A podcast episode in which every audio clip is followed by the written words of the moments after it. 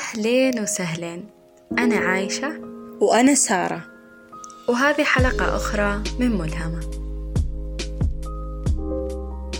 سارة انتيرير ديزاينر جابهت نصف أنواع الفنون خلال دراستها الجامعية فقط. والنصف الآخر تراه في كل شيء. ولأن الفن ملهم قررنا أنا وسارة نعمل حلقة كاملة عن الفن. يا ترى ما هو الفن بالنسبة لكم؟ أو إيش هو الفن بالنسبة لكم؟ اللهجات فن اللهجة العامية فن في هذا البودكاست ما راح نتكلم عن الفن اللي درسناه أو بالأخص اللي أخذته في الجامعة لأن كل أحد يقدر يتعلم ويطلع عليه عن طريق يوتيوب ومنصات ثانية الحين إحنا بنتكلم عن الفن اللي في تفاصيل حياتنا بارتجال ابتداء من طريقة كلامنا إلى ما لا نهاية مشكلتنا تكمن في طريقة تعريفنا المشوهة للفن. إحنا دايما نقول بأن الفن مرتبط بالألوان أو لما نشوف حاجة فيها ألوان نندهش أكثر من لما نشوف حاجة بالرصاص مثلا. ودائما كمان مرتبط تعريف الفن عندنا بأنه لازم يكون تعجيزي أو غريب وبعيد عن الاعتيادية. بس بالواقع الفن ما له لون ممكن يكون حسي سمعي مو شرط حتى يرى بالعين. أي أحد يقدر يسوي الفن بظل برصاص فالفن ما هو ألوان بس ومو لازم يكون تعجيزي. إحنا نقدر نسوي من أتفه وأصغر الأشياء تحفة فنية مو شرط تكون هذه التحفة معقدة لأن الفن أمر مقدور عليه مش تعجيزي. وأيضا مو لازم يكون غريب وبعيد عن الاعتيادية. ليش نبعد الفن عن الاعتيادية؟ أحيانا الاعتيادية فن. أتذكر مرة كنت بتكلم أنا وفنان عن أساليب الناس فطرى فجأة أنه سارة حتى الخباز فنان. بعدها بديت أتعمق في أطرائه وفي تفاصيل الخباز.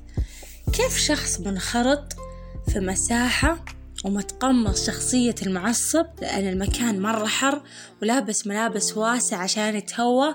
وكيف يعامل ال piece of art اللي هي عجينته؟ وكيف يعجنها بطريقة معينة؟ يحط عليها دقيق بكمية معينة وكيف يمسكها ويشوحها ويثبتها في التنور لين وقت معين. بس تستوي يطلعها ويقطعها بعد بطريقة احترافية.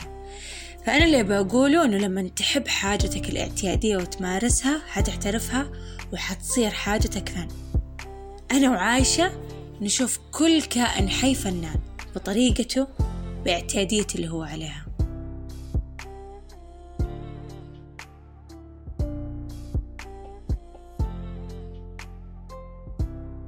لو الفن مو أي شيء كان تيك توك ما ضرب. خلينا نكون واقعيين. الفن مو محكور تحت تعريف معين ما هو منمط ولا هو تحت شارة وراية معينة. بس هو انعكاس لشعور مفهوم أو غير مفهوم ينتج عنه قطعة فنية وأحيانا القطعة الفنية هذه تنسمع ما تنشاف وما تنحس وأحيانا برضو تنحس ما تنسمع وما تنشاف. وفي أحيان كثيرة تنسمع وتنشاف وتنحس. وترى مو مهم إذا إحنا صح أو ممكن مو صح المهم أن الفن زي ما قلتي غير منمط. فيكون في علمكم أنه في الحلقة هذه مراجعنا حياتنا وبس. اختلاف طريقة شخص عن شخص ثاني من وجهة نظري فن. في شخص يشوف أن القطعة الأساسية في لبسه الجزمة تكرمون فيتكلف فيها وولف عليها باقي القطع. وفي اللي يلبس كل شيء لون واحد أو يلبس ألوان محايدة ويتفنن بالإكسسوارات. ويبنوا عليها تبان القطعة الأساسية عند كل شخص.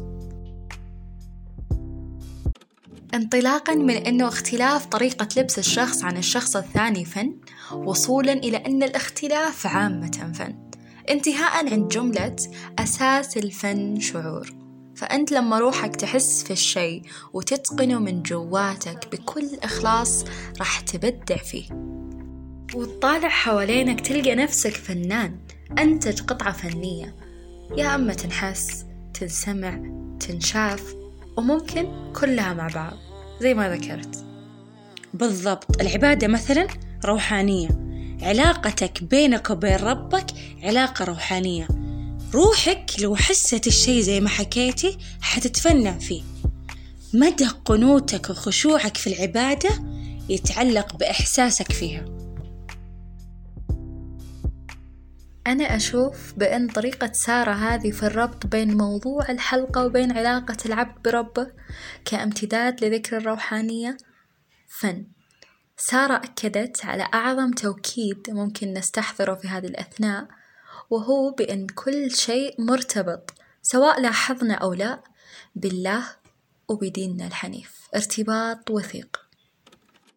يعني حتى طرق الربط عندك وذكائك الكلامي وطريقة تحدثك فن طاقتك فن طريقة تفكيرك فن طريقة حبك للأشياء وللأشخاص فن.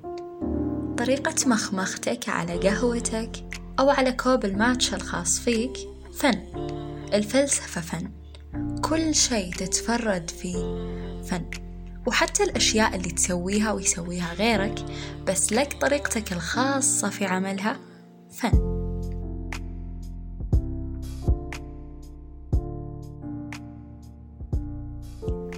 وهنا إحنا انتهينا.